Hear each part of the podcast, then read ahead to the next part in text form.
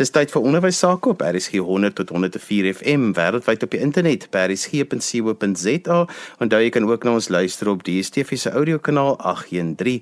Die program is ons in die onderwys saam met my Johan van Lille. Vandag gesels ons oor substansieafhanklikheid by leerders en ons praat spesifiek vanuit die skool se perspektief. Wat is die rol wat die skool kan of moet speel? My twee gaste is Franset Bedford, sy's 'n narratiewe pastorale beraader in privaat praktyk en dat ons ook vir Tia Boshua Grunenfelder en sy is 'n opvoedkundige sielkundige by Laerskool Swartkop. Watter taktieke gebruik tieners en kinders as hulle in die kloue van afhanklikheid vasgevang word? Franset, kom ons begin by jou. So Johan, die stem van dwelms en afhanklikheid is 'n baie manipulerende, selfsugtige stem wat vir die tiener gaan sê, "Weet jy, jy is eintlik beter af as jy my in jou lewe het." Met ander woorde, die tiener voel dat wanneer hy hierdie substansie of sy hierdie substansie gebruik, glo hulle hulle is bietjie meer kreatief self.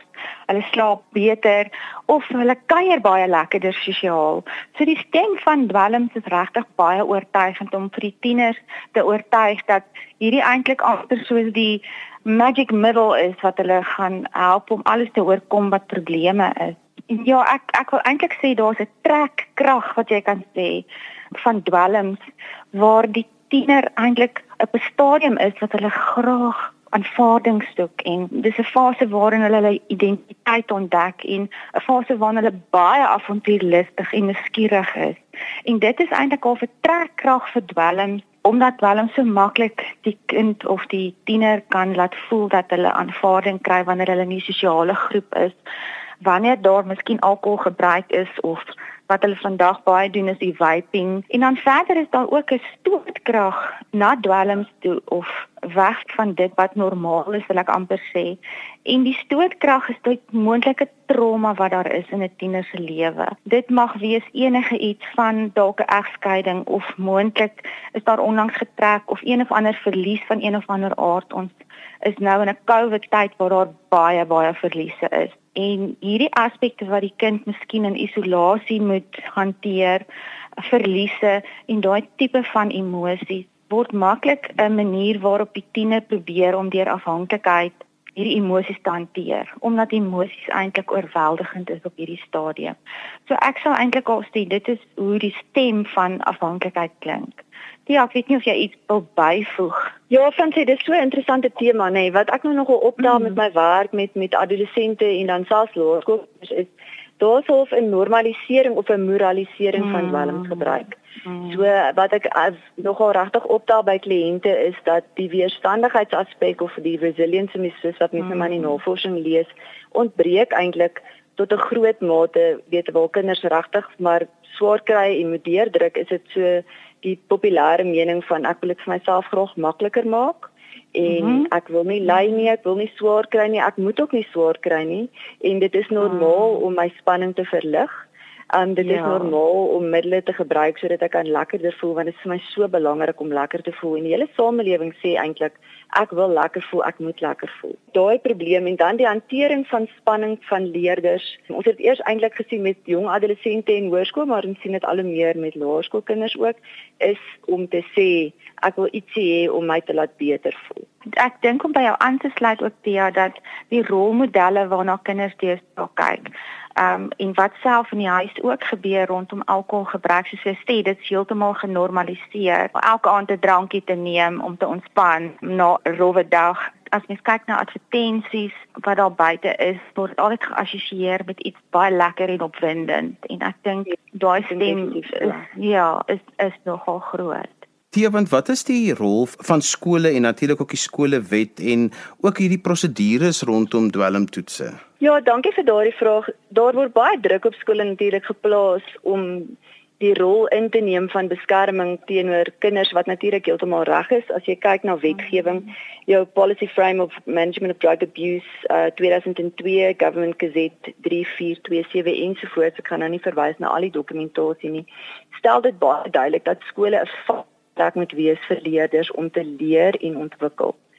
Aan die teenpool, nie teenpool nie, aanvullend daartoe is dit natuurlik dat elke leerder se reg tot keuses, se waardigheid, se menswaardigheid moet beskerm word. Mhm. So skole staan in 'n posisie waar hulle leerders moet beskerm en dwelmtoetsing mm. vorm deel van daardie praktyk of beleid dan van skole mm. om leerders dan te toets om so ook die individuele leerder te help indien hulle uitvalle beleef en ook te mm. verseker dat ander kinders nie te veel of meer blootgestel word as wat hulle reeds blootgestel hmm. word. Kom ons praat oor 'n praktiese voorbeeld. Ek het 'n kind in my klas, graad 7, en ek vermoed hierdie kind uh, het 'n dwelmprobleem of eksperimenteer met dwelm. So goed, wat is my prosedure wat ek moet volg as 'n onderwyser? Die ouers mag dalk daarvan weet, nie daarvan weet nie, maar ek tel dit op in die skool. Ja, daar is sekere prosedures wat in plek gesit moet word. So daar's altyd 'n kode wat wat leerders um teken as hulle by 'n skool aansluit en dit het 'n waardestelsel wat jy dan onderskryf as 'n leerder.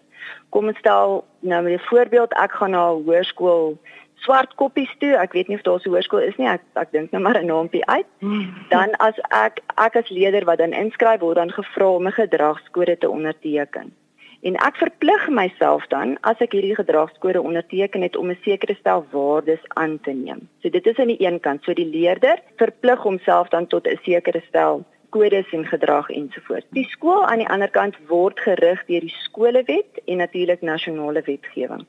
So as ons nou kyk na die skolewet, dan moet ons nou mooi kyk wat sê die skolewet ten opsigte van toetsing. So die skolewet sê dat die hoof of enige afgevaardige wat die hoof aangestel het sonder 'n hofbevel 'n dwelmtoets mag deurvoer. Word natuurlik baie ernstig opgeneem die identiteit van die leerder asook sy waardigheid, menswaardigheid word natuurlik hoog op prys gestel. So daar is verskillende riglyne wat sulke dokumentasie natuurlik bepaal wat nou gevolg moet word. Dit moet 'n selfde geslag persoon wees as die persoon wat ondersoek word konfidensialiteit handhaaf.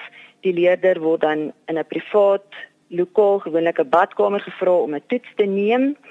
Indien die leerder die toets nie wil afneem nie, word die voogte van die besondere leerder in kennis gestel uitgenooi skool toe te kom om die leerder te oortuig om die toets te neem. Indien die leerder dan sou weier, word die leerder dan gevra om die perseel te verlaat.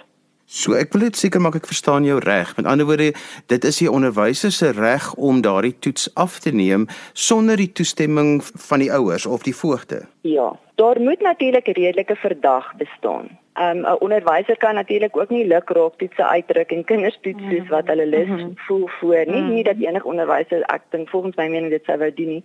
Maar daar is volgens die handleiding, daar is 'n handleiding wat wat mense ook kan raadpleeg en ek sal die skakel gee aan die einde dit gaan daaroor daar moet daar moet bewyse wees. So 'n ander leier moet kom sê die persoon verkoop dwelms of hulle ryk na dwelms of hulle gebruik dwelms. Um die persoon se gedrag moet verander. Daar moet aggressiewe gedrag voorkom. 'n uh, karakterverandering, skolastiese prestasie verander gewoonlik of dit kan in die omgewing ja. bekend raak dat die kind gebruik uh, verbode middels of verkoop. En dan dit moet mooi gedokumenteer word volgens die by die skool en as die as daar redelike verdag bestaan, dan gaan mens oor na die prosedure toe. Dit is mm. baie belangrik ook dat die skool rekord hou van hierdie prosedure en dat daar dan vergader word na die toetsing met die betrokke leerder en dan sy voogte.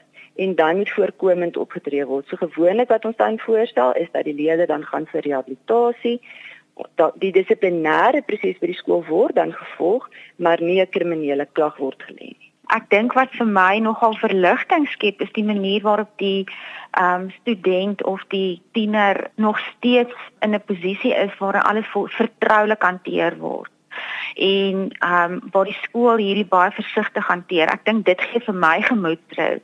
Tia, ek wou by jou hoor Hoe erg is die probleem onder ons skoolkinders? Dit is ongelukkig 'n um, tendens wat besig is om toe te neem. As jy mm. kyk na navorsing, dit is nou 'n ouer studie maar 2012 die National School Violence dit is 'n ongelukkige studie wat net in Engels gepubliseer word, sê 'n derde van sekondêre skoolleerders gebruik um, verbode middels.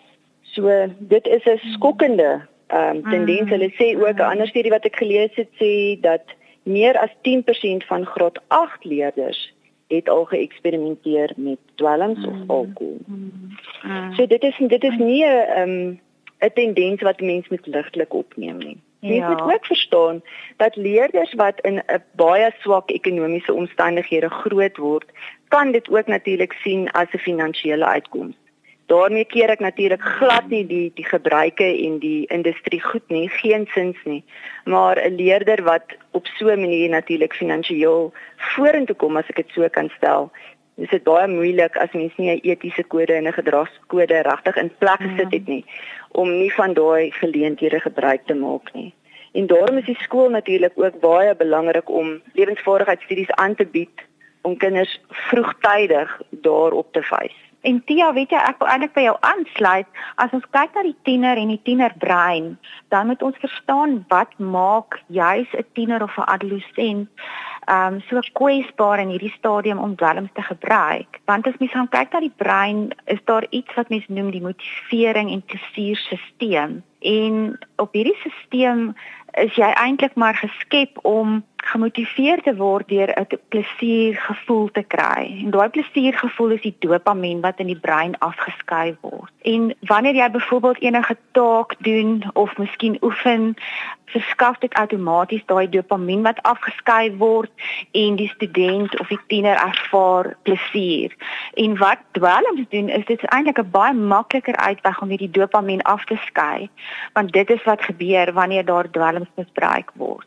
En dit is dan eintlik half so 'n kort manier om uit te kom by die plesiergevoel, maar ongelukkig wat gebeur is dat dopamien amper elke keer minder en minder afgeskei word, so die student moet al hoe meer hierdie dopamien gebruik. Um, om dieselfde effek te kry dieselfde plesier te kry en dit is hoekom die dwelmmisbruik dan moet toeneem in terme van hoeveel gebruik word en hoe gereeld dit gebruik word.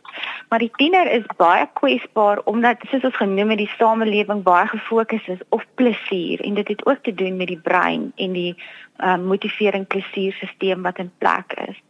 En dan nog 'n aspek wat belangrik is wat mens moet onthou met tieners is dat tieners is in 'n fase waarin hulle brein gesnoei word soos 'n boontjie. Mens noem dit brein pruning.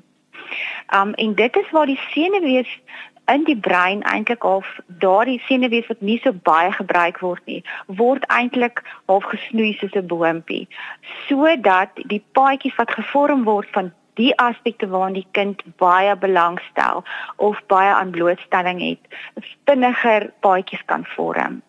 En wat in die proses gebeur is dat die amygdala waar die emosies geleë is, se kontak met die frontale lob waar die rasionele denke geleë is, 'n bietjie van 'n diskonneksie het. En dit beteken eintlik dat die emosies van 'n tiener of 'n adolescent baie maklik oorweldigend kan voel. En daarom soos jy genoem het net nou, ehm um, dit raak 'n manier om hierdie angstigheid te hanteer of om enige trauma te hanteer of verlies of enige iets wat 'n emosie impliseer wat die tiener op daai stadium nie kan hanteer en nie ondersteuning daarvoor het nie. En dit is wanneer verslawing eintlik inkom en hierdie tiener oortuig gebruik my en ek gaan jou laat beter voel. As jy sopas ingeskakel het, jy luister na ons in die onderwys saam met my Johan van Lille. Vandag gesels ons oor substansieafhanklikheid by leerders en ons praat spesifiek vanuit die skool se perspektief. Wat is die rol wat die skool kan of moet speel?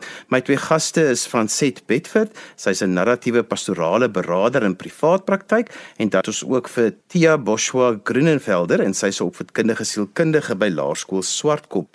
Tia, het die skool 'n wetlike plig om die kinders te toets as jy dit vermoed of wat gebeur as 'n onderwyser net besluit ek het nie lus hiervoor nie ek kyk ander pad ek gaan maar net die ouers bel en sê ek dink ek het 'n vermoede mag ek die ouers bel of moet ek toets? Dis maar 'n dilemma. Dit is 'n ongemaklike situasie. Dan vir vir veral as as die ouers natuurlik um, reageer in 'n negatiewe manier of beskuldigend is dan is dit vir geen onderwyser, sielkundige, skoolhoof lekker om in so 'n proses toe te tree. Maar dis nie eintlik wat wetgewing vir ons vra nie. So die veiligheid en welvaart van skoolkinders is te top prioriteit in in skole. So dwelmtoetsing speel soos ek voorheen genoem het ongelukkige belangrike rol daarin. En as jy kyk na die regulasie vir veiligheidsmaatreëls in publieke skole, dan sê dit dit is deel van hoe ons kinders veilig hou is om kinders te toets sodat hulle hulp kan kry. So ek dink die onderwyser moet homself nie taak om die proses op sy eie skouers te neem nie. Die skool moet 'n beleid hê waarin die onderwyser dan 'n rol speel. Skole wat 'n geskrewe beleid het, is dit vir almal natuurlik makliker. Die onderwyser weet ook waar moet hy intree en wat is sy verantwoordelikheid.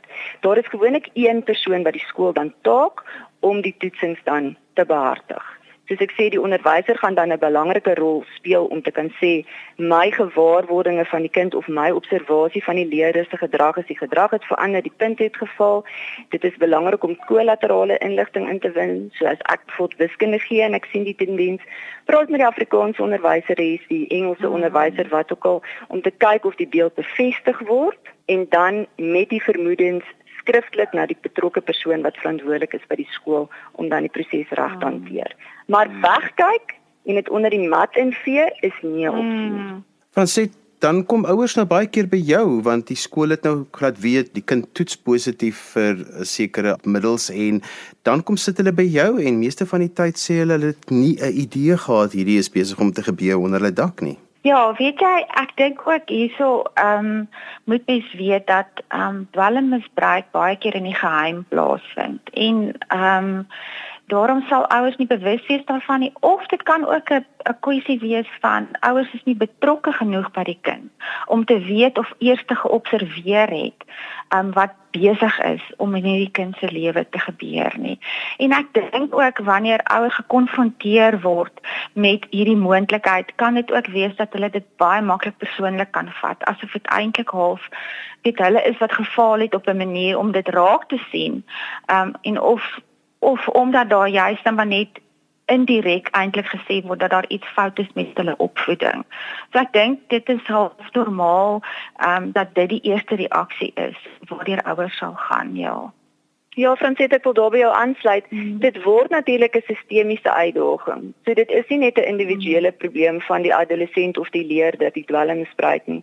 Dit raak alle vlakke van jou mm. bronfinbreender as ek dit so kan stel, jou stelsels rondom jou, jou gesin, vertroulikheid, uh, verhoudings tussen jou en jou ouers want baie keer gaan dit maar met leengedrag en manipulasie gepaard.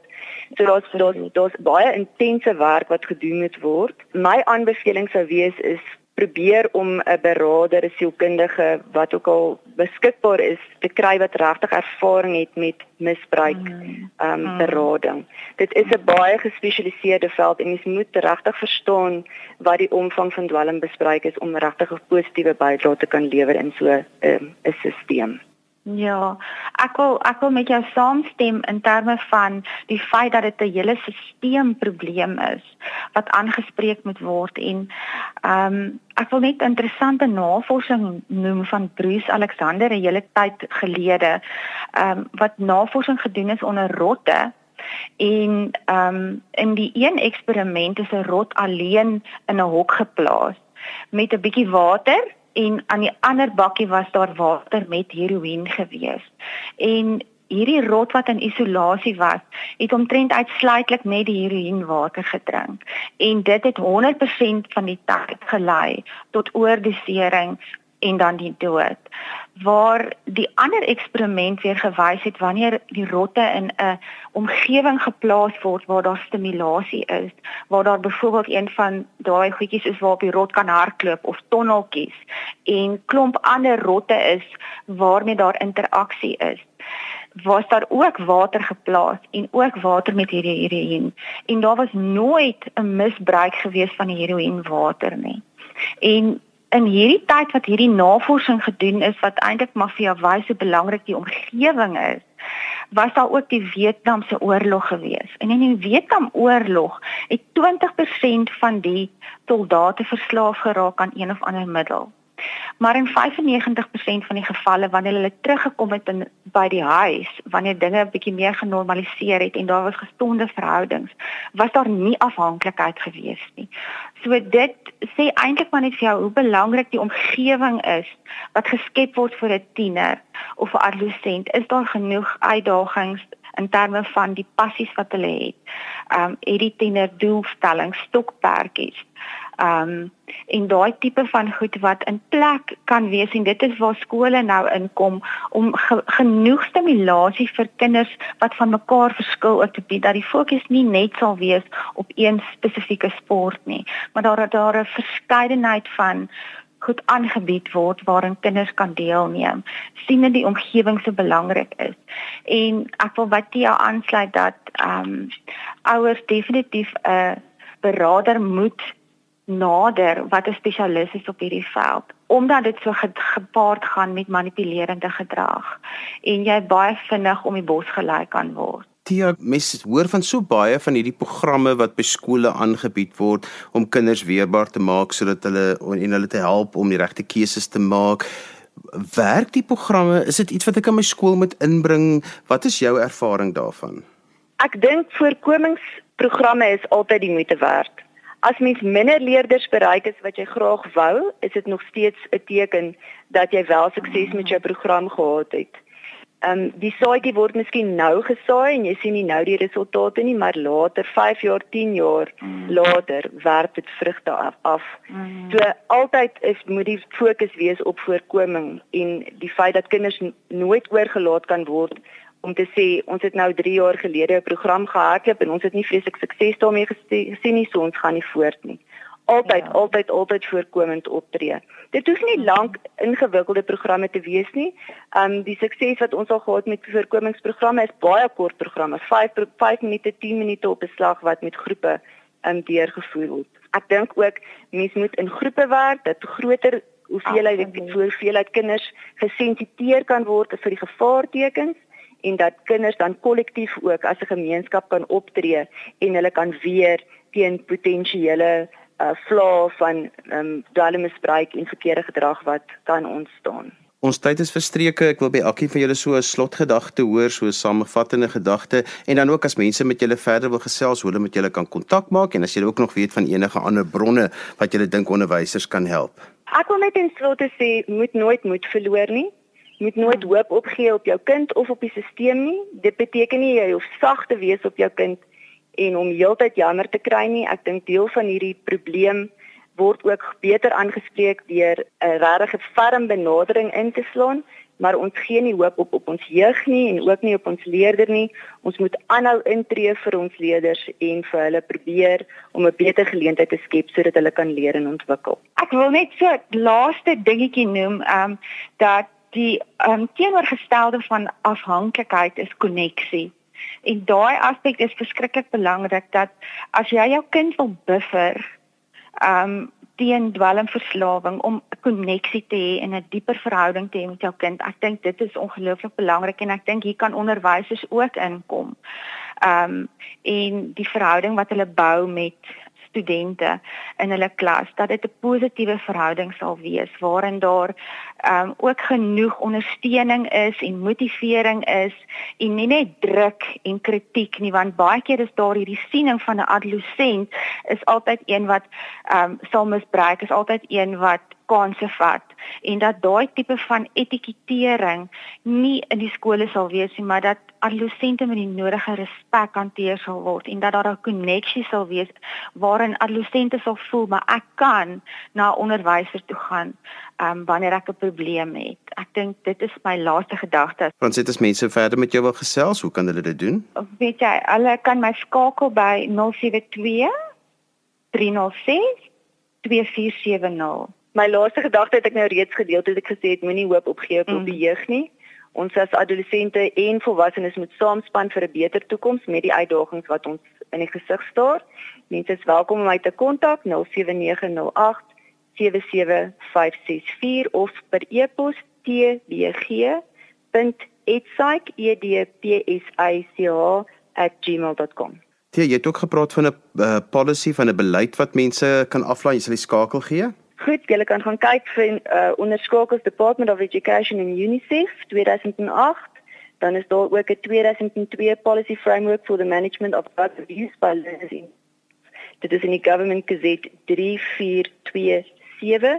Dan is daar ook 'n Regulations Gazette 22754 Regulations for Safety Measures wat ek baie opvolg gevind het. En daarmee het ons gekom aan die einde van vandag se ons in die onderwys. Onthou jy kan weer na vandag se program luister as 'n potgooi. Laai dit af by resgep.co.za. daarmee groet ek dan vir vandag tot volgende week van my Johan van Lille. Totsiens.